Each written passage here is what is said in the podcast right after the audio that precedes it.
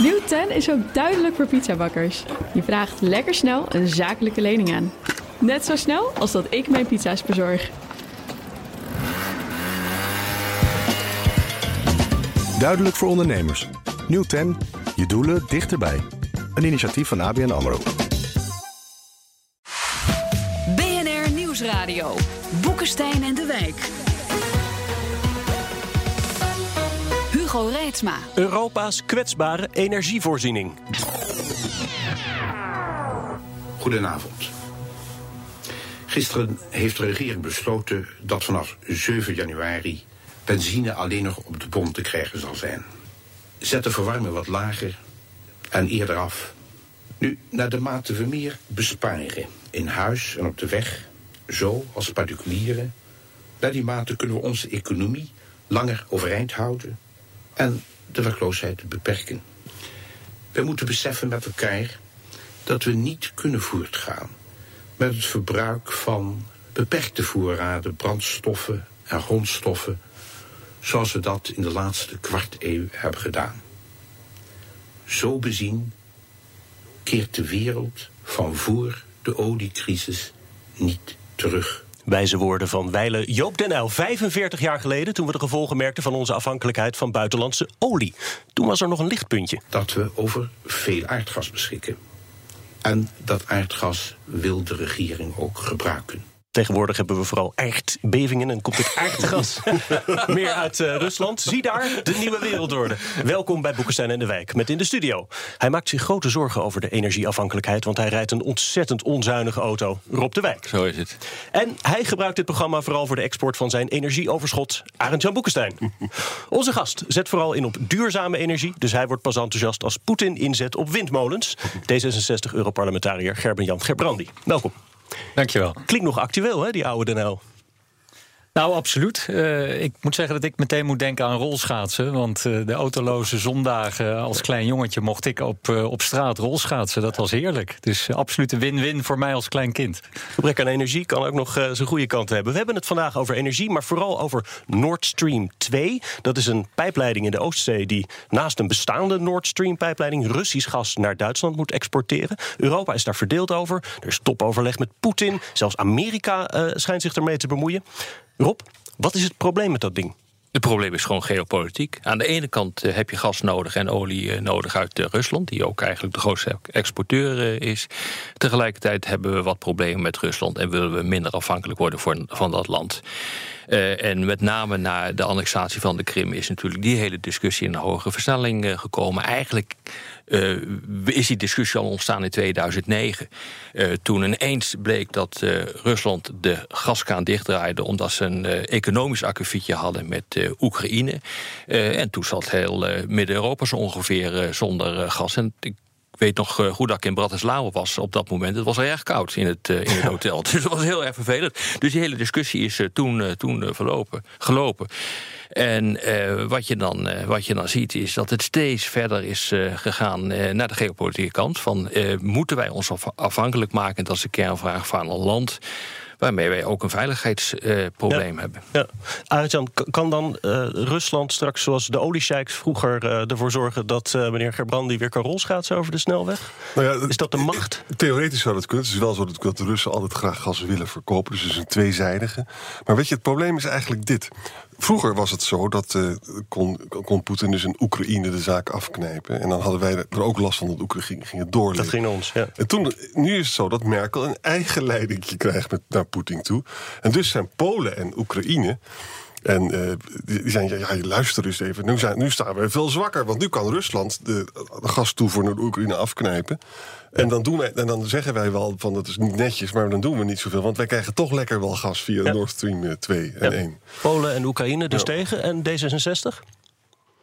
Ja, er zitten een heleboel aspecten aan. Hè. Um, er is al Nord Stream 1, laten we dat vooropstellen... waar uh, voormalig bondskanselier Schreuder een groot uh, ja. lobbyist voor is. Ja. Die, die uh, ontvangt daar waarschijnlijk meer dan miljoenen voor... om ja, de weg te effenen voor, voor die pijpleidingen. Dus, en, en Nord Stream 1 wordt nog bij lange na niet volledig gebruikt. Hè. De helft van de capaciteit wordt geloof ik pas gebruikt. Dus Nord Stream 2 wil, de Russen willen dat heel graag. Want eh, die willen natuurlijk nog veel meer gas leveren aan Europa. Want hoe meer Europa afhankelijk wordt van Russisch gas, hoe beter het is voor de politieke positie ook van, eh, van Poetin. Ja. Het is waar wat de heer Boekenstein zegt. De, de, de afhankelijkheid is wederzijds. Ehm, de helft. De helft van alle overheidsinkomsten van Rusland komen uit olie en gas. Ja. Dus zij kunnen niet zomaar de gaskraan dichtdraaien. Ehm, en ook tijdens de Koude Oorlog hebben we altijd een vrij betrouwbare gasstroom gehad vanuit Rusland. Eh, dus je zou kunnen zeggen, nou, op basis van historie en wederzijdse afhankelijkheid Kan het, goed? kan het allemaal niet zo'n kwaad. Spelen twee dingen. Eén, het Rusland van nu is natuurlijk niet meer eh, het Rusland van vroeger of de Sovjet-Unie van vroeger. Eh, wat dat betreft is Poetin toch echt een andere persoon die de, de politieke machtspositie veel meer zal, eh, zal uitbuiten, wellicht. Dus de onzekerheid is wat groter. En het tweede is natuurlijk het hele klimaatprobleem. Wij moeten af van fossiele brandstoffen. En gas is weliswaar een transitiebrandstof, hè, de helft schoner dan kolen.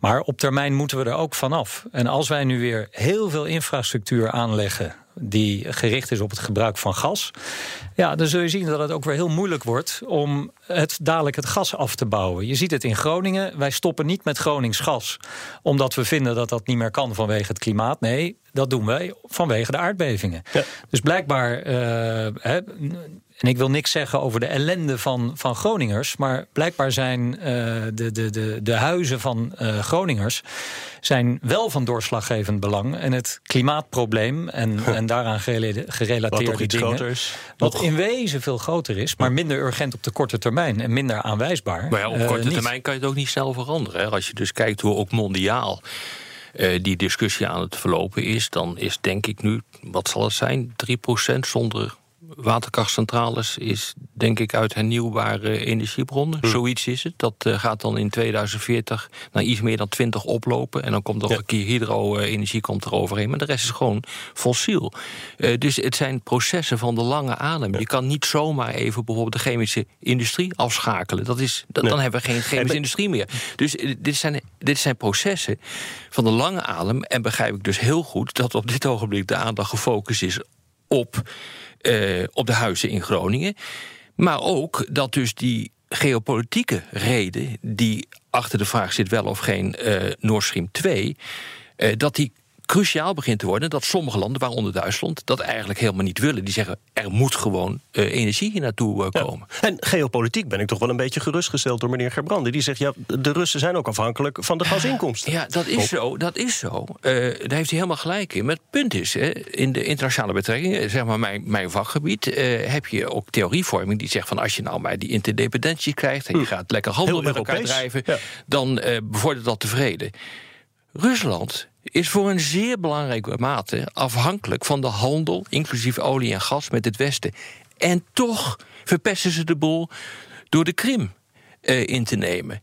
Ja, dat is toch raar. En dan weet je dus dat er sancties eh, komen. En toch gebeurt het. Dus ik, eh, ik zou zeggen, dit is wel een garantieslot aan de voordeur. Het is helemaal niet zeker dat als de spanningen hoog oplopen... dat eh, Rusland zegt, nou, we hebben nog wat reserves... maar we draaien dus toch gewoon... We hebben financiële reserves en die beginnen ze nu weer te krijgen. Dus draaien we gewoon de kraan dicht. En daar komt nog bij dat de- het gedrag van Rusland over de afgelopen drie, drie, vier jaar is echt verslechterd. hè. Ik bedoel, het is echt verslechterd. Het gaat de verkeerde kant op. En, eh, en er komt nog iets anders bij. Aan de voorraad van de Eerste Wereldoorlog had je ook een ongelooflijke interdependentie tussen Engeland, Frankrijk en Duitsland. Hè. Dat heeft dus niet een conflict, een afschuwelijk conflict voorkomen. Met andere woorden, het is denkbaar dat dingen uit de hand lopen. En dan is zo'n gasafhankelijkheid een groot probleem. En eigenlijk zou je dan ook, om die reden, zou je dus de alternatieve bronnen, we zijn dus voor 40% Ik zat net inderdaad te denken, heeft er iemand cijfers? Ja. Wat, wat is Nou, die afhankelijkheid? 75% van het Russische gas gaat naar Europa. Dus eh, Rusland is behoorlijk afhankelijk van Europa als afnemer. Hè? En heeft dus in de boze tongen beweren... ze hebben dus veel aan China verkocht... maar China heeft daar lage prijzen waarschijnlijk voor betaald. Omdat die ook En die pijpleidingen liggen er nog niet eens. En die eh, liggen er nog niet eens. Dus Rusland heeft ons wel nodig. Maar wij, kijk, wat zou nou rationeel zijn? Hè? Wij moeten dus die, die liquid natural gas hè, met de Amerikanen, is duur, maar dan moet je wel achter de hand hebben. Polen zit er ook heel erg op in te zetten. Er komt een grote haven. Baltische staten doen dat. Baltische Staten doen het ook. Wij hebben een groot station, geloof ik, in Rotterdam. Hè, wat je zomaar kan vullen. Nou, dan moet je ook denken, de ellende is wel... ja, Nederland heeft straks dus gewoon geen gas meer. Noorwegen neemt af, dat was een grote speler. Algerije nog maar 10 procent. Ja. Nederland ook een speler hierin, hè? eh, via Shell.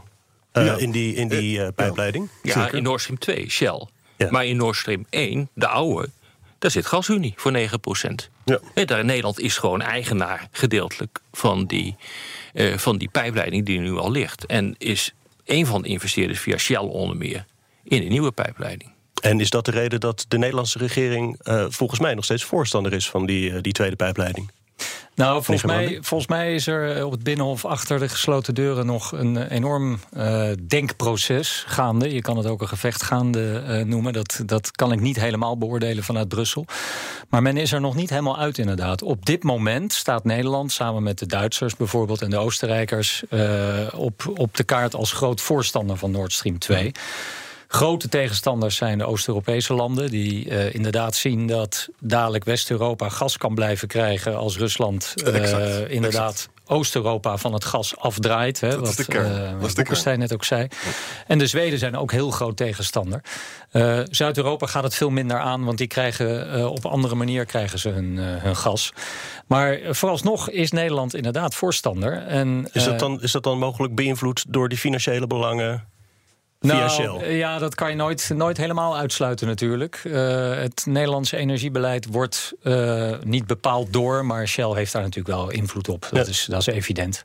Maar wat ook waar is, dat dat veel economen vinden ook dat eh, gas als transitiebrandstof is echt heel belangrijk. Omdat gewoon, het is een hele klus om duurzaam te verhogen. Trouwens, nog even tussendoor in een saillant detail. We gaan nou al die, die windmolens op Noord- Noordzee zetten. Je hebt natuurlijk het transportprobleem met stroom. Hè? En een van de dingen die, ze willen doen... is dat ze er waterstofgas van willen maken. En dan, als je dat gaat doen... dan moet je dus die gasinstallaties ook in nieuwe huizen houden. Want dan kan je dus zeg maar duurzaam gas ook gebruiken. Nou, dat is wel een belangrijk punt wat daar Jan. eh, Ik ben ook trouwens eh, eh, benieuwd eh, wat, eh, wat Gerber Jan daarvan van vindt. Het, het hele punt is natuurlijk die discussie over waterstofgas. Dat is ontzettend interessant. Dat kan je inderdaad op zee gaan maken. Daar kan je bijvoorbeeld windmolens voor gebruiken. Daar kan je oude boorplatforms voor gebruiken. En als je dat spul hebt gemaakt, dan kan je dus gebruik maken van de bestaande gasinfrastructuur om dat te transporteren. Die discussie loopt gewoon niet Nee. in Nederland. Dat is een hele rare. Ik bedoel, op de TU Delft eh, heb je een enorme discussie daarover. Er zit een enorme hoeveelheid expertise. Er is ook wel ideeën om eh, Noord-Groningen, om dat een centrum te maken van een waterstofeconomie. Hartstikke interessant. Maar ka- kan jij nou verklaren waarom we daar helemaal geen discussie over hebben in Nederland? Nou ja, waterstof wordt, wordt vooral gezien als een energiedrager. eh, en, en als een manier om, om overtallige eh, duurzame energie van wind en, eh, en zon op te slaan. Vandaag ook in het eh, Financieel Dagblad nog een artikel daarover. En ik denk dat het daar ook heel nuttig voor is. Inderdaad, professor Van Wijk die eh, Ja, eh, in Delft daar... mij. ja, ik kan het zeggen. Niet helemaal. Maar nog, nog één andere opmerking. Ook wat, ehm, wat Rob zei over, over klimaat, lange termijn enzovoort. We moeten ons wel realiseren hè, dat in Parijs hebben we afgesproken... dat we niet boven de 2 graden temperatuurstijging gaan... en dat we zelfs ons best gaan doen om onder de anderhalf te blijven. Voor de anderhalve graad, ik heb het vanmorgen weer even opgezocht... hebben we nog vier maanden de tijd. En dan gaan we daar overheen. Oh. Dus het is geen lange termijn probleem. Nee, En- dat klopt. Maar het is, de oplossing is lange termijn. ja, dus, maar daarom moeten we de schouders er volledig achter zetten. En dat is het interessante van het besluit om met Nederlands gas te stoppen. Om veel sneller die transitie tot stand te brengen. Straks, hoe kan Europa zijn energievoorziening veiligstellen? BNR Nieuwsradio. Boekenstein en de Wijk. Op zoek naar de nieuwe wereldorde. Dit is Boekenstein en de Wijk. En dat programma is natuurlijk niet zonder Arend-Jan Boekenstein en Rob de Wijk. Onze gast vandaag, D66-Europarlementariër Gerben-Jan Gerbrandi. Mijn naam is Hugo Reitsma en we hebben het over energie... en specifiek Nord Stream 2. En gezien de interessante... eh, eh, positie van Nederland viel me nog even op, meneer Gerbrandi, dat uw eerste genuanceerde verhaal niet echt een, helemaal een antwoord was op mijn vraag. Namelijk, wat is de positie van D66? Nou, Bent u voor of tegen die pijplijn? Nee, ik, ik vind die pijplijn overbodig. Ehm, en wel omdat eh, met Nord Stream 1 is er meer dan genoeg capaciteit om een heleboel Russisch gas deze kant op te krijgen. 55 miljard kubieke meter. En eh, precies. En wat we niet moeten doen is. ehm, eh, Rusland de mogelijkheid geven om onze afhankelijkheid nog meer te vergroten. En ehm, wij hebben sterk Europees beleid hè, om te diversificeren, zoals dat heet. Om minder afhankelijk te worden, bijvoorbeeld van Rusland. Uh, maar ook om het, de hoeveelheid fossiele brandstoffen te verminderen. Maar hetzelfde moment is tussen 2012 en 2016 de hoeveelheid Russisch gas die we in Europa gebruiken, is verdubbeld. Mm 30% van alles wat we gebruiken komt uit Rusland. Dus uh, die afhankelijkheid is al heel erg groot. En daar hebben we Nord Stream echt niet bij nodig in de toekomst om dat nog verder te vergroten. Maar, dan, heb ik een vraag aan je. Van, dit heeft ook heel erg te maken met wat Merkel gedaan heeft. Merkel heeft de kerncentrales in één keer dichtgegooid, weet je nog? Dat eindigde, toen werden er overal windmolens, maar dat eindigde dus dat de kolencentrales harder moesten worden aangezet. Dat is toch iets heel ernstigs eigenlijk wat daar gebeurt. Hm. Het werd dus vervuilender. Hè? En dat betekent nu ook dat ze, dat ze ook zeer afhankelijk van gas is geworden. Als al je kerncentrales gewoon maar wat, wat vind jij nou als D66? Hè? We moeten eigenlijk alles moeten we tegelijkertijd doen om duurzamer te worden. Hè? Maar, ik, maar ik denk dat in bepaalde scenario's, uh, LNG is ook hartstikke duur. Hè? Rusland is onveilig. Komt dan ook een thoriumcentrale, of zo, waar sommige mensen over spreken, komt dat niet in beeld in de mix die je nodig hebt? Nou ja, dat zou heel goed kunnen. Ik, ik vond het, het Duitse besluit om die kerncentrales te sluiten... vond ik uitermate onverstandig. Zeker omdat het was naar aanleiding van Fukushima. En Duitsland ligt nou niet echt in een aardbeving uh, gevoelig gebied. Dus ik, ik heb eigenlijk dat besluit nooit begrepen. Ik denk dat de energievoorziening in Europa ook ernstig in de problemen zal komen... als Frankrijk in één keer besluit om alle kerncentrales te sluiten. 53 dus kerncentrales. Het is, het is ongekend. Nu raken die langzaamaan ook verouderd. Dus dat probleem krijgen we vanzelf in de komende 20 jaar. Maar toch. Dus um, uh, nee, ik, ik denk dat we ook open moeten staan voor, uh, voor andere oplossingen. Zoals een thoriumcentrale of iets anders. Wat is dat eigenlijk, een thoriumcentrale? Goeie vraag. Ja, het is, het is een, ik vraag het wel. Dank je wel daarvoor. Ja. Het is een, een, een, kerncentrale waarbij je geen plutonium, maar thorium gebruikt. En daar zijn hele discussies over. Er zijn een heleboel mensen die vinden dat uh, nou ja, de, de, oplossing voor de toekomst. Daar zitten nog haken en ogen aan. Ik geloof dat in de jaren 70 in, in de Verenigde Staten er voor het laatst echt heel erg concreet mee geëxperimenteerd is. Maar als D66er wil ik nooit technologie uh, helemaal opzij schuiven. En ik weet dat de groene eh, bewegingen zijn hartstikke tegen kernenergie. Maar als je het CO2-probleem bekijkt, is kernenergie natuurlijk wel een oplossing. Ja, maar nog even terug naar, die, eh, naar Nord Stream 2. De grote vraag is of het ding er überhaupt komt. de, de, de, Europese, wordt al gelegd de Europese Commissie wil het niet, uh, vanuit geopolitieke redenen. Maar wat ook interessant is, is de Deense regering. Hè, ja. Die uh, hebben, er is een wet aangenomen in het parlement die het mogelijk maakt om de bouw uh, van, laten we zeggen, een bocht van die, van die leiding door uh, Deense territoriale wateren uh, te, te voorkomen. Er wordt enorme druk uitgeoefend vanuit de Verenigde Staten om het niet te doen. en wat op dit ogenblik is nog veel interessanter aan de hand is, is dat een, zowel Republikeinen als Democraten zeggen tegen Trump: zorg ervoor dat bedrijven die aan Nord Stream 2 mee gaan werken, vallen onder het sanctieregime ja. uh, van Amerika in de richting van, uh, van Rusland. Dus ik moet, ik moet nog zien of dit gaat gebeuren. Dit is een interessant uh, probleem. En hier wordt nu echt alles aan elkaar gekoppeld. We hebben een hele discussie met Rusland over, over tarieven, importheffingen. Maar dit speelt ook nog. Hè? Dus hoe gaat dit, hoe gaat dit in de toekomst zich ontwikkelen? Dat is een hele interessante vraag. En wat de Amerikaanse positie eigenlijk zo lastig ook maakt. Kijk, Amerika heeft ook een economisch belang. Hè? Toen Trump, oh, nou, dat schaliegas kwijt hier. Ja, ja, toen Trump dus in Polen was in januari of zo. Zei nou, ik, je kunt beschaligas bij me ja. krijgen. Dat willen ze ook graag hebben. En de LNG. Ja. Dus dit gaat een, de LNG is dus gewoon... Liquid uh, natural gas. Nou ja, goed, ja, dat betekent het. Maar dat is inderdaad uh, gas dat uh, vloeibaar is gemaakt. Ja, dat kan dus inderdaad naar, ook naar Nederland toe worden getransporteerd. Dat kan. Rotterdam heeft daar ook iets voor gebouwd, toch? Een tijdje terug. Drie hele grote opslagtanks. Ja. Ja. Dus, maar wat zijn dan de alternatieven voor Rusland? Dat is wel heel lastig hoor. Dat is natuurlijk verduurzamen, minder verbruiken, diversificeren van landen. Maar realiseer je dat bijvoorbeeld uh, veel gas uit Noorwegen kwam, dat gaat ook naar beneden. Ja. Algerijns gas gaat naar beneden. Volgens mij is nu Qatar waar het meeste vandaan, uh, vandaan komt. Dat is toch een heel eind weg.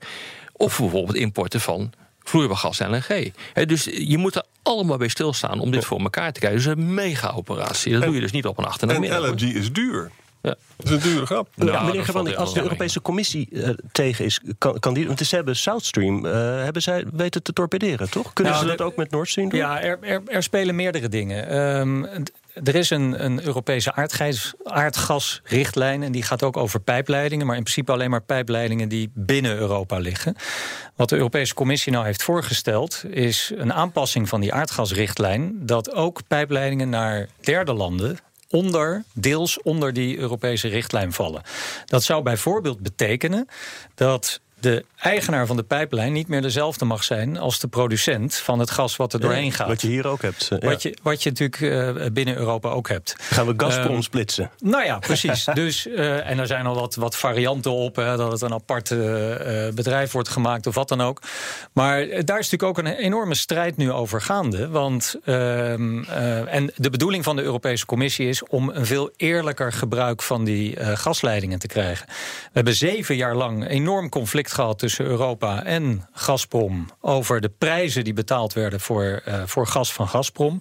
Polen betaalde de hoofdprijs en Duitsland kreeg het voor een schijntje. Hè, de bekende verdeel- en heerspolitiek van Poetin. Ja. Vorige week heeft de Europese Commissie een deal met Gazprom uh, bereikt. Dat dat een, een eerlijker prijs wordt, uh, transparanter. Dat betekent dat het gas voor Europa goedkoper wordt wat van Gazprom komt. Maar het interessante is natuurlijk voor de Russen dat het, het, Russische gas dan ook een stuk goedkoper wordt dan de alternatieven van LNG vanuit Qatar, Amerika, waar dan ook.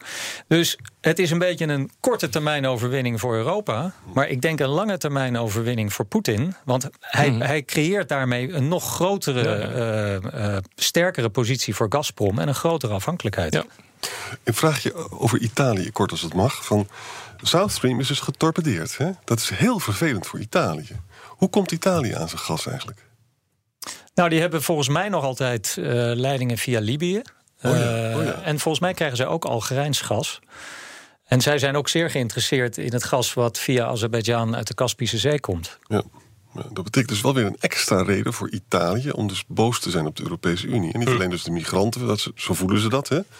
En de, en, de, en de austerity, dat vinden ze ook vervelend. En ook dit punt. Nou, wat je dus ziet, en dat is natuurlijk het interessante ook van de discussie die we nu voeren, is dat uh, Europa, de Europese Unie toch probeert om zo min mogelijk kwetsbaar te worden van invloeden van buitenaf. Dat is een, voor mij is dat een heel belangrijk extra argument om te zeggen: je moet gaan verduurzamen. Want mhm. als je dit voor elkaar krijgt. Is het Russische probleem ook opgelost? Dan, eh, ja, op langere termijn los je dan een groot aantal problemen op. En je ziet dat, dat dit fenomeen eigenlijk in een hele hoop delen van de wereld zichtbaar is. Ja. En, en ik meen ook daarnaast moeten er ook nog heel veel pijpleidingen binnen Europa, toch? Want je moet alles aan elkaar koppelen om één sterke markt te hebben. Nou zeker, daar, daar wordt hard aan gewerkt. Maar uh, Rob heeft een heel belangrijk punt. En dat, dat is heel actueel op dit moment. Want naast deze hele gasproblematiek uh, hebben we ook uh, Europees beleid voor duurzame energie en energiebesparing. Ja. We kennen allemaal het, het, Nederlandse energieakkoord. Dat is er alleen maar gekomen omdat er een bindende, juridisch bindende doelstelling voor Nederland was om in 2020 14% duurzame energie te hebben. Nou, we zijn nu bezig met het Hè, dat zijn onderhandelingen tussen de lidstaten, de Raad en het Europees Parlement over de energiedoelen voor 2030. Die zijn cruciaal. Want we, hoe meer duurzame energie we hebben, hoe minder afhankelijk we zijn van landen als Rusland. En energiebesparing is gigantisch belangrijk. Driekwart van het Parijse klimaatakkoord kunnen we behalen door energiebesparing. En juist op dit moment hebben wij als Europees Parlement hele grote moeite om de lidstaten ambitieuzer te krijgen op het gebied van zowel hernieuwbaar als besparing. Maar hoe komt dat Zij kijken naar korte termijn kosten. En ze kijken niet naar de langere termijn uh, baten. Duurzaamheid, dus eh, de oplossing ook voor het Russische probleem. Dit was weer Boekenstein en de Wijk. Namens Arend-Jan Boekenstein en Rob de Wijk zeg ik dank voor het luisteren. Speciale dank aan Gerben-Jan Gerbrandi. Boekenstein en de Wijk is elke zaterdag om 11 uur op de radio. Maar wanneer u maar wil, online uh, op de podcast. En daar kunt u ook uh, reageren. En dat doen mensen toch altijd? Ja, Rob? leuk. Ja, ja toch? Uh, Bifiku 71. Je moet er maar opkomen. Wat een fijne podcast. De heren hebben veel plezier in het maken, dat klopt. Zijn scherp, actueel en realisten. Het geeft mij wekelijks inzicht in de internationale politiek en betrekkingen. Mijn wekelijkse uitstapje buiten de wetenschappelijke podcast die ik normaal liter. Dit is eigenlijk ook een wetenschappelijk programma, toch? Ja, nou, zeker. Ja, zeker. Nou, en dan hebben we ook nog JVL 2411. Ook heel belangwekkend. Uh, de laatste tijd begin ik met irriteren. Oh, dat is helemaal niet zo leuk. Uh, niet aan Boekenstein, maar aan de wijk. Ah, dat ben ik. Boekenstein is een prima vent, dat klopt wel. Beetje elitair. Hugo, beetje eraf laten. Elitair. Maar heeft een belangrijke eigenschap. Hij kan relativeren. Ja, daar zijn we inderdaad ook dol op. De wijk kan dat niet. Klopt. Uh, voorstel aan de wijk. Probeer eens wat te relativeren. Nou, JVL 2411. Dat vind ik een ontzettend goede suggestie. ik zal gewoon vaak aan het eind van mijn antwoord zal ik zeggen, ja, ik weet het eigenlijk ook niet.